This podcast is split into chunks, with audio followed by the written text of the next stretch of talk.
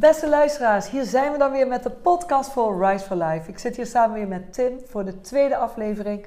En als het goed is heb je de eerste gehoord. En heeft Tim in ieder geval mij enorm uh, bijna met de mond open laten vallen hoe zo'n situatie eruit ziet. Ik weet daar helemaal niks van. Ik ben geen ervaringsdeskundige. En ik denk dat er velen zijn die in dezelfde situatie zitten als ik met opgroeiende kinderen die denken, hoe zit dit dan allemaal? Ik ben heel blij Tim dat jij zo openhartig dit met mhm. ons deelt en andere mensen hiermee wil inspireren en misschien wel behoeden om in diezelfde valkuil te lopen. Ja, hopelijk. Dat is wel de intentie van. Uh, bedoel, het is natuurlijk niet dat ik hier. Uh, dat ik het er heel graag over heb. Maar ik bedoel, als ik er mensen mee uh, kan behoeden om misschien de, dezelfde fout niet te maken, dan. En dat is ook precies de reden waarom we hier weer zijn. Ja. Dus ik ga het verhaal vervolgen en ik ga jou weer een aantal vragen stellen, Tim. Oké. Vorige keer heb jij verteld over jouw hele weg van, de, van het begin van de verslaving totdat het echt werkelijk uit de hand ging lopen. Ja. En we zijn nu op het punt beland dat het werkelijk uit de hand is gelopen. En ik denk dat dat best een heftig punt. Ja. Uh, dus ja, misschien toch fijn als je er wel iets over vertelt. Ja, ja zeker. Dus uh, ja, waar we het eigenlijk de, de, vorige keer al over hadden, um, waar we dus gestopt waren, is dus wel echt dat ik ja, midden in mijn verslaving zat, zeg maar. En dat ik eigenlijk zelf wel eens probeerde te stoppen voor maandenlang en dat het eigenlijk niet werkte. Um, ik kan me nog herinneren dat ik dus uh, naar uh, Dublin ben gegaan met uh, mijn broer en twee vrienden. En ehm, toen zijn we daar naartoe gegaan voor twee dagen. Gewoon voor, voor de fun, zeg maar. Ja, gewoon voor, voor de fun. Weekendje weg met elkaar. Ja, en ik, mijn broer die merkte toen wel echt aan mij van er is iets met hem aan de hand. Want ik, uh, ja, hij zei van wat hij merkte is dat ik gewoon enorm veel dronk. Vanaf het moment dat we eigenlijk om 7 uur s ochtends of 8 uur s ochtends bij het vliegveld aankwamen om daar naartoe te gaan. Toen begon ik met drinken in, uh, hier in Eindhoven Airport. Tot diezelfde dag, 4, 5 uur s ochtends, was ik dus heel de dag door aan het drinken in het vliegtuig zelf de hele tijd de stewardess vragen van of ze nog een whisky of dit of dat kon brengen. En ja, mijn broer merkte wel al van, ja, weet je wel, hij drinkt wel echt heel veel. En normaal gesproken ben je op een gegeven moment klaar, weet je wel, dan lig je lam ergens. Maar ja, dus hij had wel zoiets van: oké, dit is wel heel gek. Want dan heeft hij dus echt een hele erge tolerantie tegen alcohol je dus opgebouwd. Tegen. Je kon niet merken dat je dronken Nou, je bent wel dronken en je bent ook wel vervelend, maar je kon blijven drinken. Zeg maar. je ook vervelend als je dronken uh, was? Ja, ik, ik, ik, kon wel vervelend worden. Ja. Die, dat weekend ben ik zeker wel vervelend Agressief, geweest. Agressief of wat ga je dan doen? Um, ja, gewoon hele domme dingen, weet je wel. Dat um, gewoon een grote mond tegen mensen die ergens werken. Of uh, je een beetje misdragen in een restaurant, heel luidruchtig. Um, ruzies veroorzaken met andere mensen. Um, dat soort dingen, zeg maar. Gewoon heel... Ja, gewoon heel... Ja, gewoon heel kinderachtig eigenlijk je gedragen. En gewoon als iemand zeg maar een kwaaie dronk heeft, zeg maar een beetje dat. Ja. Dus heel erg overdreven, uh, boos worden op dingen. En, ja, je gewoon misdragen, zeg maar. En toen merkte mijn broer wel van, oké, er is wel iets met hem aan de hand, want hij drinkt wel echt absurd veel.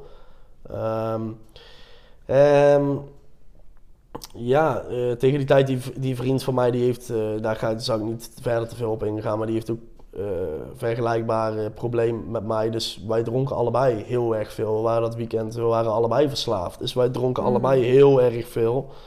Um, ja, en toen, ik weet nog goed dat ik toen terugkwam vanuit uh, Dublin en dat in één keer mijn vader op het uh, vliegveld, uh, vliegveld stond bij de aankomsthal. En, ehm, dus ik dacht van, wat, bij, ik, ik snapte het eigenlijk niet waarom hij daar was. En ja, die zei dus van, ja, je rijdt met mij mee, hoor, ik moet even met jou praten. En ehm, ja, die had dus ehm, mijn uh, moeder had dus de sleutel van mijn, uh, van mijn woning, zeg maar. Die is daar naar binnen gegaan. Uh, omdat hij het al maanden zeg maar, niet echt vertrouwde. En die zag dit natuurlijk als de uitgelezen mogelijkheid om even te kijken van... Misschien vond ze iets of misschien kreeg ze meer... Um, een beetje de werkelijkheid van wat er nou echt met mij aan de hand was. En ik had natuurlijk totaal, toen ik naar Dublin ging... Ik had natuurlijk die dagen daarvoor gewoon gebruikt. En ook die nacht voordat ik naar Dublin ging had ik gebruikt. Dus er lag natuurlijk van alles in mijn eh, woning. Gewoon op tafel en overal. Ligt dat ook echt zo poeder? Ja, eh, zakje, gewoon nog zakjes waar nog dingen in zaten. En gewoon, dus ja, er lag bewijsmateriaal over mijn hele huis, zeg maar. ja. En ehm, ja, toen. eh, eerst heb ik het natuurlijk nog ontkend. Maar ik wist natuurlijk niet van wat er gebeurd was. Mijn vader die confronteerde me gewoon van: oké, ja, is er iets aan de hand? Weet je ben je verslaafd? Of. Nou, en ik zei natuurlijk nee, en ik eh, ben niet verslaafd. Ik gebruik gewoon af en toe. En eh, ja, ik had niks te doen, dus ik, ik had gewoon een feestje gehad. Ik was uitgegaan en daarna had ik wat gebruikt en bla bla bla. En eigenlijk meteen weer in dat liegen komen, weet je wel. Alles ontkennen en liegen. En ja. omdat ik natuurlijk bang was van shit, nou gaan ze me forceren om naar een kliniek te gaan. En ik wilde er helemaal niet mee stoppen. En nou, toen kwam ik dus thuis. Toen ben ik dus eerst helemaal uitgeflipt op mijn moeder. Dat zij zomaar, wie dacht ze wel niet dat ze was. En Dus je zomaar je mijn, moeder ook nog uitgescholden. mijn moeder die heb ik helemaal eh, verrot eh, gescholden. Dat ze Oh. mijn eh, appartement binnen was gegaan. En ja, dat was niet correct. En weet je wel, en ik zou nooit meer met haar spreken. En ik kon haar nooit meer vertrouwen met dingen. En ja, dat, ik zei tegen haar, ja, dat doe je niet. Weet je wel. Je gaat niet zomaar mijn woning binnen omdat jij argwaan hebt of iets. Ehm, ja, als ik er nu over terugdenk, is het natuurlijk logisch dat ze dat doet. Als je het al maandenlang niet, niet vertrouwt. Ehm, dus ja, toen uiteindelijk heb ik met hun gesproken. Toen heb ik al toegegeven van oké, ik heb wel een probleem. Ehm, en toen zeiden ze van oké, ja, je moet hulp gaan zoeken. Dus toen eh, heb ik tegen hun gezegd van ik wil alleen hulp waarbij het zeg maar ambulant is. Dus ik wilde niet naar een kliniek in toe. Ik wilde, ik wilde niet naar een kliniek toe. Dus ik heb ook tegen hun gezegd van ik ga alleen maar ambulant doen. En verder rest doe ik niks. En toen heb ik nog... ehm, toen ja, ben ik gewoon heel erg boos geworden op hun. Toen ben ik zelfs in dat gesprek ben ik nog eh, mijn huis uitgegaan. Ben ik naar mijn dealer gereden, heb ik weer eh, drugs gehaald. Ehm, omdat ik natuurlijk Opgefokt was, hè? opgefokt was. En ik had zoiets van, ja shit, we gaan mij ergens naartoe sturen. Ik moet gewoon nog gebruiken. Nou, toen heb ik dus ehm, uiteindelijk tegen mijn vader gezegd van... Oké, ja, ik, ga wel, ik eh, ga wel naar een kliniek. Als dat echt is wat jullie willen. Want mijn moeder die zei dus, ja, als je niet naar een kliniek gaat... Dan, wil, ja, dan hoef ik geen contact meer met jou. En mijn vader zei ook op een gegeven moment van... Ja, als je niet hulp zoekt, dan is het klaar voor ons, weet je wel. Dan zoek je het zelf maar uit. En ik had zoiets, ja, maar dat wil ik niet. Dus ja, oké, dan ga ik wel naar een kliniek toe. En Dus je had wel die goede band toch met je ouders om dat niet te willen verliezen. ja, en ik, ik wilde gewoon, eh, ja, ik had zoiets van, oké, dan ga ik wel naar een kliniek toe, weet je wel. Misschien dat ik er wel, omdat ik zelf ook al wel al een paar keer geprobeerd had om te stoppen. Het was heel gek, ik wilde wel stoppen, maar ook weer niet, zeg maar. Je wilde er ook wel weer mee doorgaan, maar je wilde ook wel dat je leven een beetje weer op, op de Eh, rit Dat is kreeg. precies wat de verslaving is. Ja, hè? dus ik dacht van als ik nou naar een kliniek ga, dan kom ik terug. Misschien kan ik dan weer een beetje vooraf aan beginnen. Dat ik weer een beetje gecontroleerd kan gebruiken. En ehm, dat ik mijn leven weer een beetje op de rit krijg. Maar wat ik dat ik wel af en toe nog kan gebruiken, zeg maar. Ja. Ik dacht van een kliniek brengt je weer terug naar dat punt. Dat je weer een nulpunt hebt en je kan weer opnieuw beginnen. Ah, dus je, in jouw hoofd was je dus eigenlijk nog steeds... Wilde je er gewoon niet vanaf. Nee, nee. En ehm, nou, dus de volgende dag eh, naar mijn werk gegaan en tegen mijn baas dus verteld van oké, ja, ik moet naar een, eh, of ik ga naar een kliniek toe, want het gaat niet goed met mij. En ehm, ja, weet je Had jouw baas het door? Nee, die hadden niks door. En die, die, die, vind, die, waren ook echt in shock, want eh, ja, die zeiden van we willen jou, die wilden eigenlijk in eerste instantie ook niet, die wilden dat ik ambulant ging doen, zodat ik kon blijven werken, omdat ik mijn werk gewoon goed deed. En dan waren heel erg tevreden over mij. En, ehm, dus dat maakte ook voor mij dat ik Ja. zoiets had van is er wel echt zoveel aan de hand, want mijn baas is tevreden en ik heb mijn diploma gehaald en Ja, dat is er nou eh, echt zoveel aan de hand, zeg maar. misvatting. Hè? Heel veel mensen denken aan eh, wanneer je verslaafd bent, dan zien ze iemand onder de brug liggen, dakloos, eh, slapend met een heroïnespuit in de Ja. arm. Maar dat is een vertekend beeld. Dat is niet het beeld wat de meeste verslaving zijn. Er zijn zoveel mensen verslaafd waarvan je het niet ziet. Hè? Nee, en dat, dat is ook zo. En ehm, ja, mijn baas was dus helemaal eh, in, in shock, zeg maar. En zij zei dus ook van ja, kan je dan niet ambulant gaan doen? Dan maken we wel een schema dat je zeg maar nog... eh, ja, en ik zei van, ik heb gewoon de situatie uitgelegd van ja, mijn ouders willen dat niet. En dit is de enige manier hoe ik, eh, zeg maar met mijn ouders, eh, hoe ik dat kan helpen.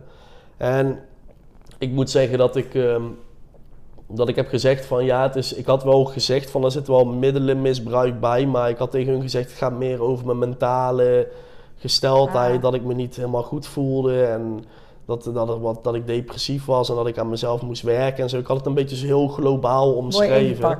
Ja, ik had het heel erg in, mooi. een, in een pakketje waardoor mensen dachten, oh ja, het is wel een goed idee. Ja, en ik, ik, zit, ik, ik heb er wel bij gezegd van ik gebruik wel drugs. Ik had niet gezegd van ik zit, ben er verslaafd aan, dus daar wil ik ook een beetje aan, werken. En ik had het een beetje mooi ingepakt, zeg maar.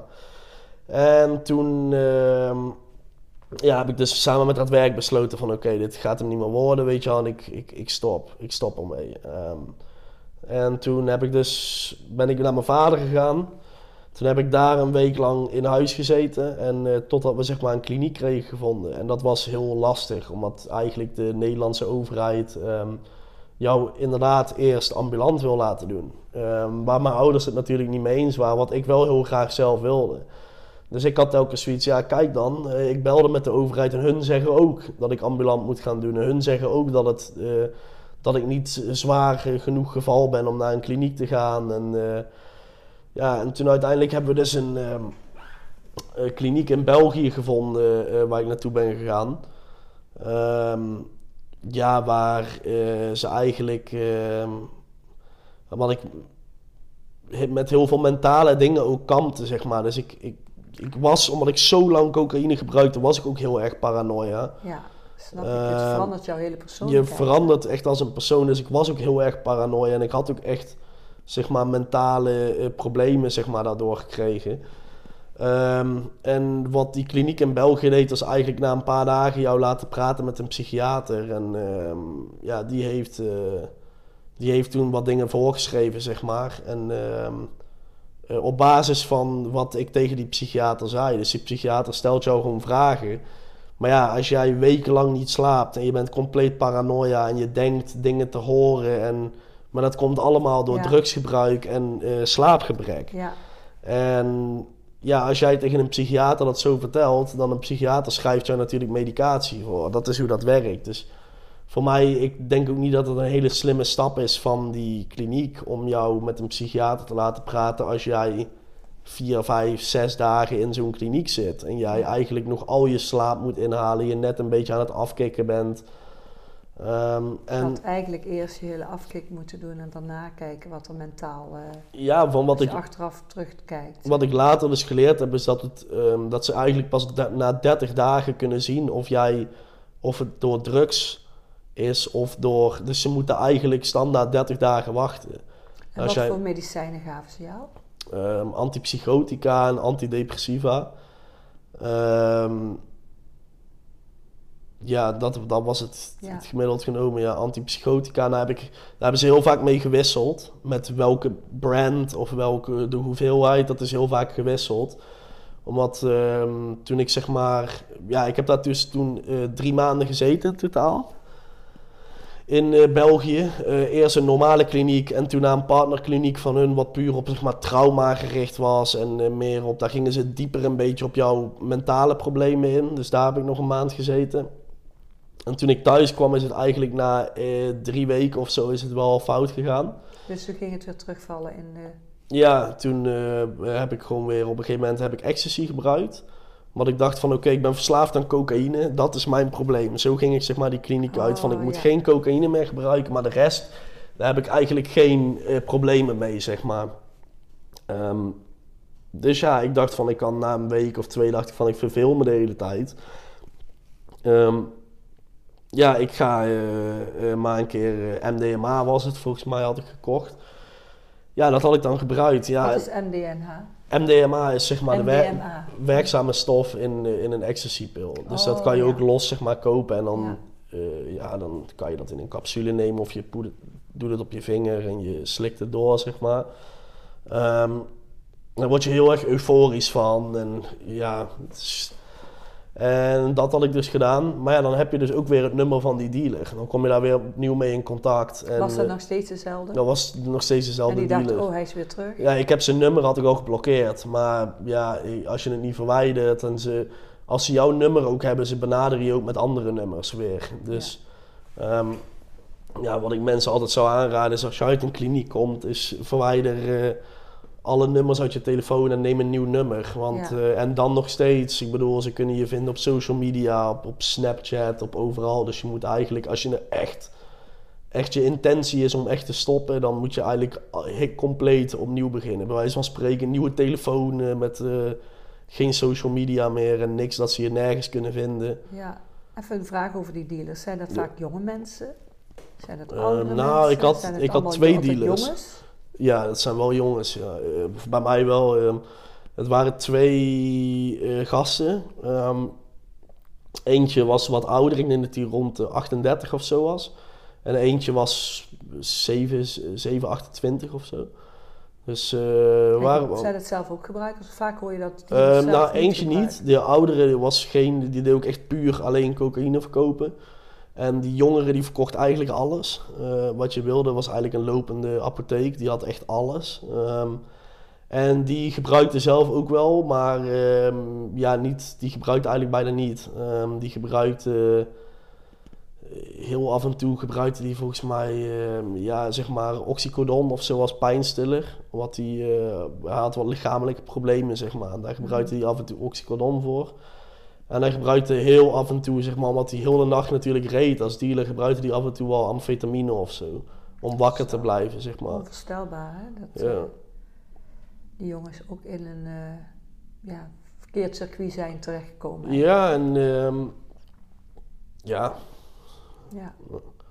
Maar goed, jij kwam uit die kliniek, je bent weer gaan gebruiken. Ja, dus ik ben toen gaan gebruiken en toen ehm, eh, is mijn moeder daarachter gekomen en toen hebben ze, eh, hebben ze me eigenlijk samen met mij in, in, ja, mijn vader heeft me eigenlijk diezelfde avond weer teruggereden naar die kliniek. Ehm, toen heb ik daar een maand gezeten, anderhalve maand volgens mij en toen, ehm, mijn plan was eigenlijk om gewoon weer terug te gaan naar Eindhoven.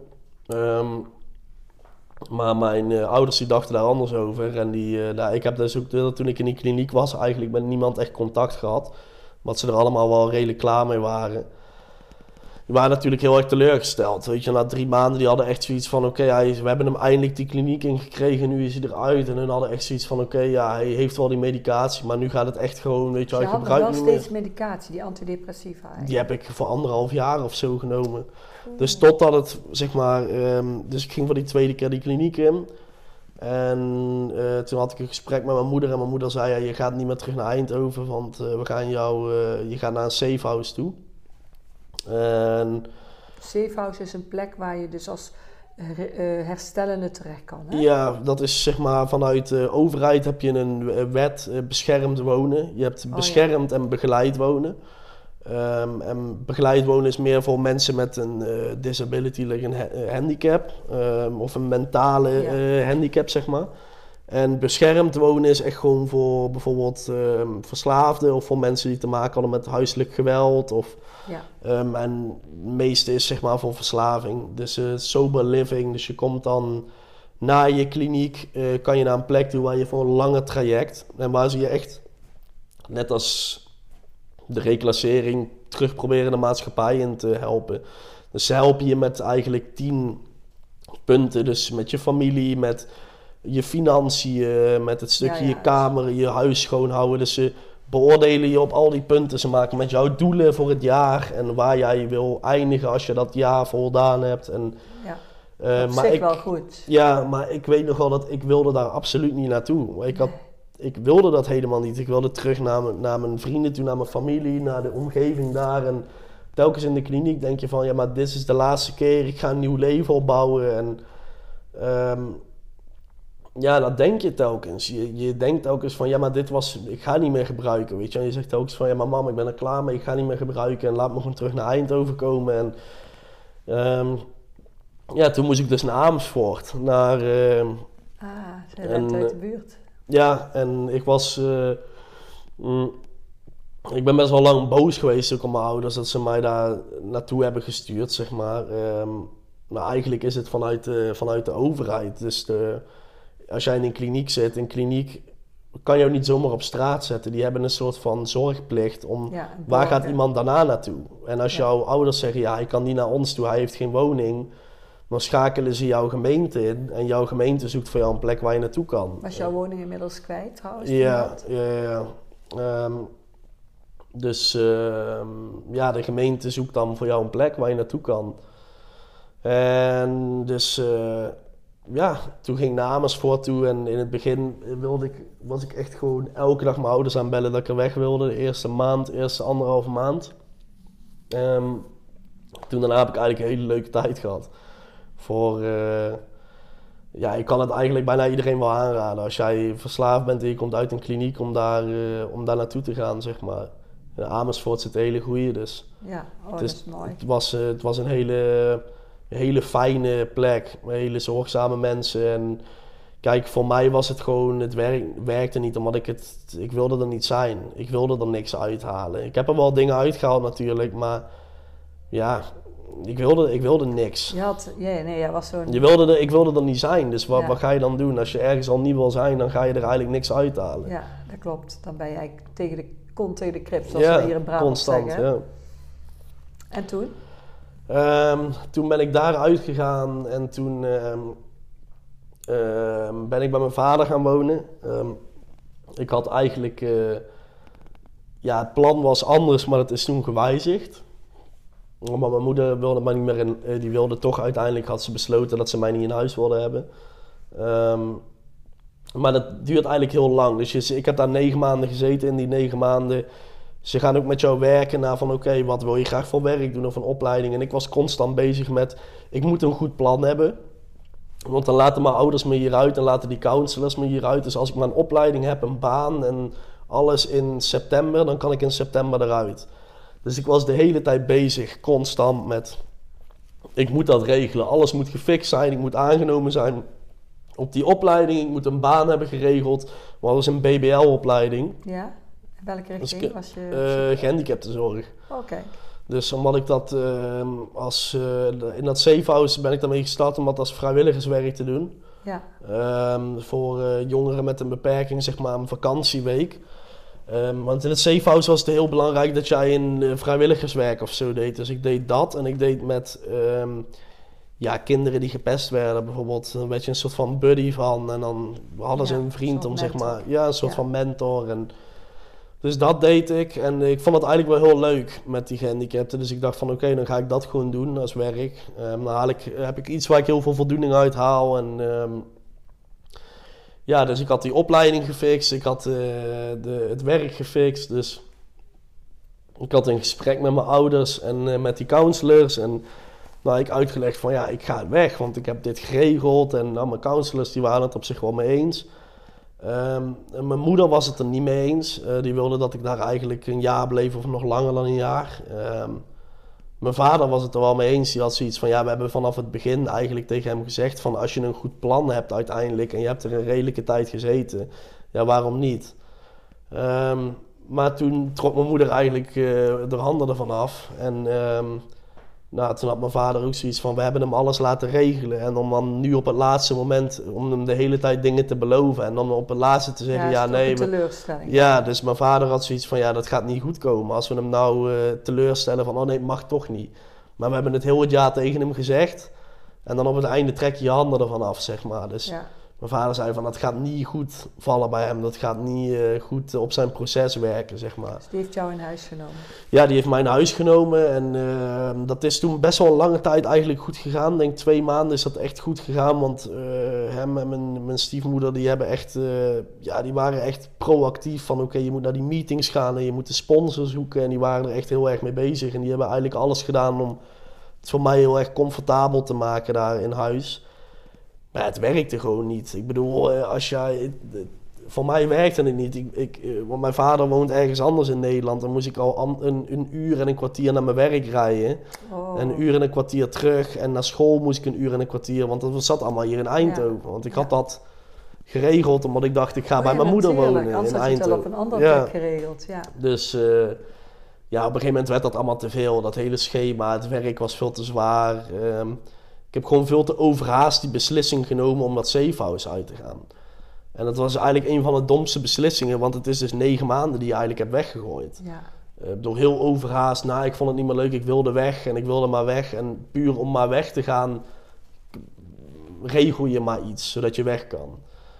Um, ja, en toen op een gegeven moment bij mijn vader is het uh, misgelopen. Toen ben ik uh, teruggevallen en dat heeft ook best wel, ja, dat is toen best wel de eerste avond, de, nacht, de avond dat ik eigenlijk terugviel, is dat ook helemaal uit de hand gelopen. Toen ben ik, heb ik ook een auto-ongeluk gehad en ehm, opgepakt. En, eh, Met drank? Of wat ging je eh, doen? met, met dr- eh, drugs en drank in de auto. Maar ehm, eh, drank had ik eigenlijk de hele dag wel gedronken, maar dan een hele lange periode niet. Dus dat zat niet meer zoveel in mijn, hoe noem dat, blaastest, dat ik daarvoor...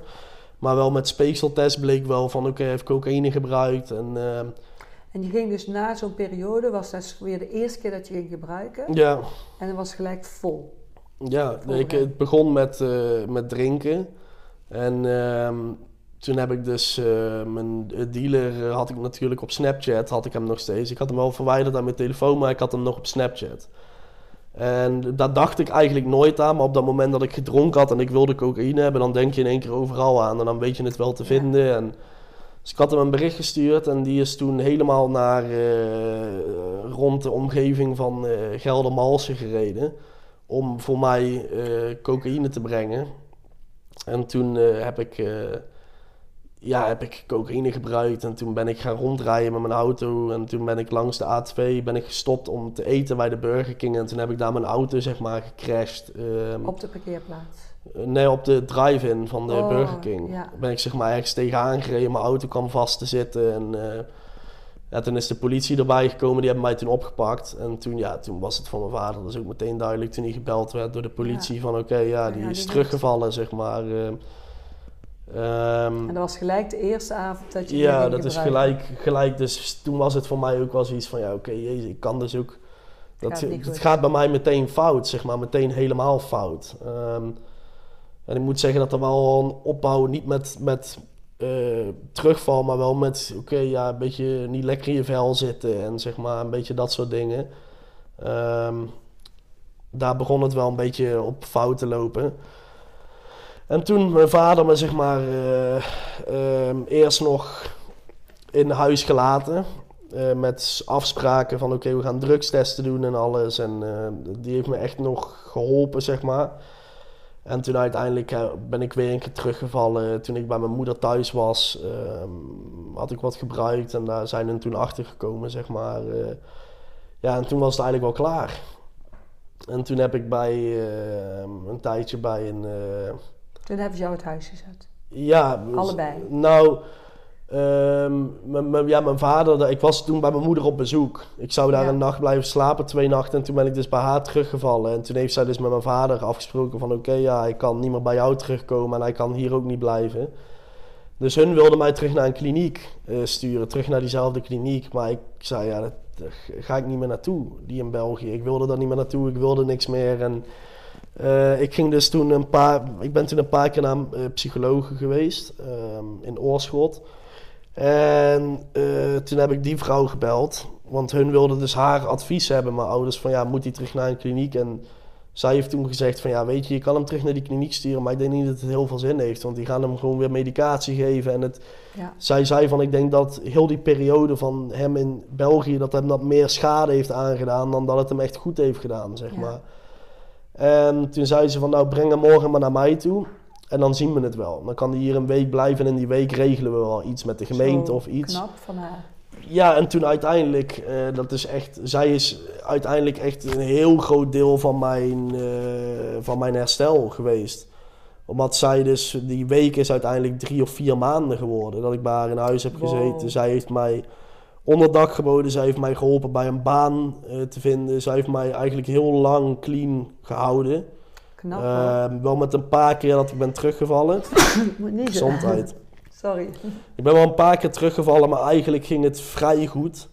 Het bij haar wonen, het ging beter dan, dan, dan ergens anders wonen. Ja. Want zij een hele goede.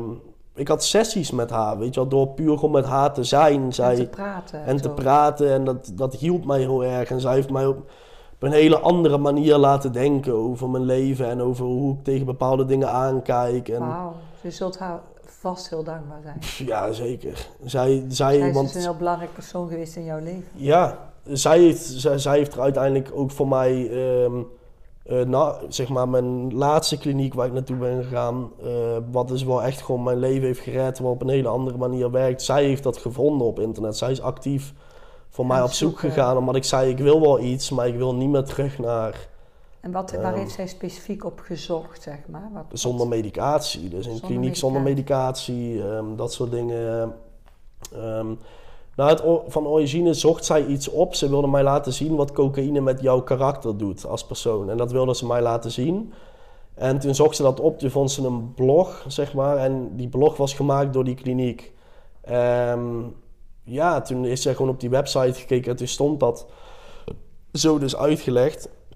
En toen heeft ze mij gewoon die kliniek gestuurd van oké, neem er maar contact mee op, zeg maar. Als je wil, le- lees er maar een keer over. En, ehm, maar zonder haar, eh, dat heb ik haar ook verteld toen ik uit de kliniek kwam terug in Nederland voor een week. Van, eh, zonder haar, zeg maar, als ik daar gewoon naartoe was gegaan, eh, weet ik niet of het, of ik zo'n goed effect op mij had gehad. Ik denk dat die periode bij haar, dat ze mij op zo'n andere manier heeft gevormd, weer naar een beetje normaal denkend mens. die zijn eigen keuzes maakt en niet meer in controle is over dingen. Ik denk dat het daarom gewoon de combinatie van die periode met haar en eh, die kliniek, eh, dat dat wel echt mijn leven heeft gered. En Ja. ja, ja ik ben haar daar wel echt super dankbaar voor. Mooi. Mooi moment, eh, Tim, om deze tweede uitzending ook eh, af te ronden. Ja, Heel mooi dat je haar hebt gevonden, dat zij eh, in ieder geval een verschil heeft kunnen maken in jouw leven. Ja, echt jouw zeker. leven gered. ja zeker. Dus eh, zo kun jij ook iemands leven redden. En eh, door inderdaad de juiste informatie te vinden en iemand met elkaar in contact te brengen. Ja, Dus Tim, dankjewel voor dit deel Graag van jouw gedaan. verhaal. Het was een heftig stukje. En ik, eh, ik geloof dat je ouders heel wat met je te stellen hebben gehad. ja en ik, zeker. denk dat je je ouders ook dankbaar bent dat ze jou eh, toch hebben willen helpen. Ja, zeker. Nee, zeker. Ja, ik heb Maar- ze genoeg aangedaan. Dus, Maar ouders kunnen je vaak niet helpen. Hè? Dat heb ik gemerkt in meerdere situaties.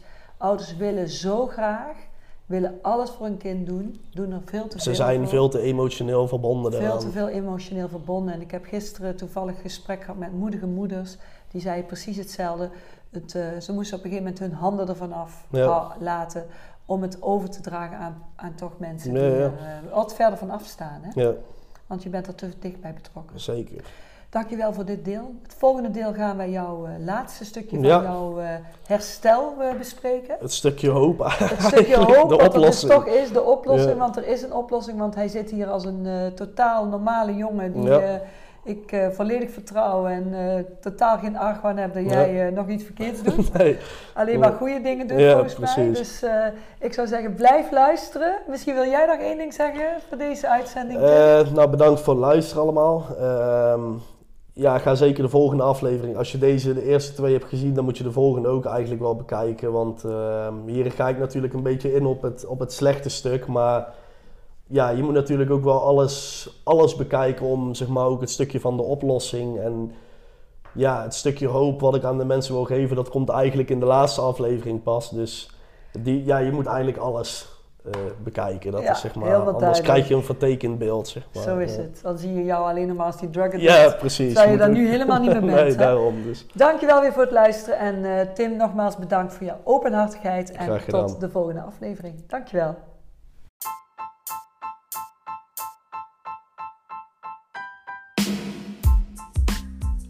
Dit was weer een aflevering van de Rise for Life podcast. Spreek je uit voor verandering. Bedankt dat je vandaag was en dat je deel hebt genomen aan deze belangrijke dialoog.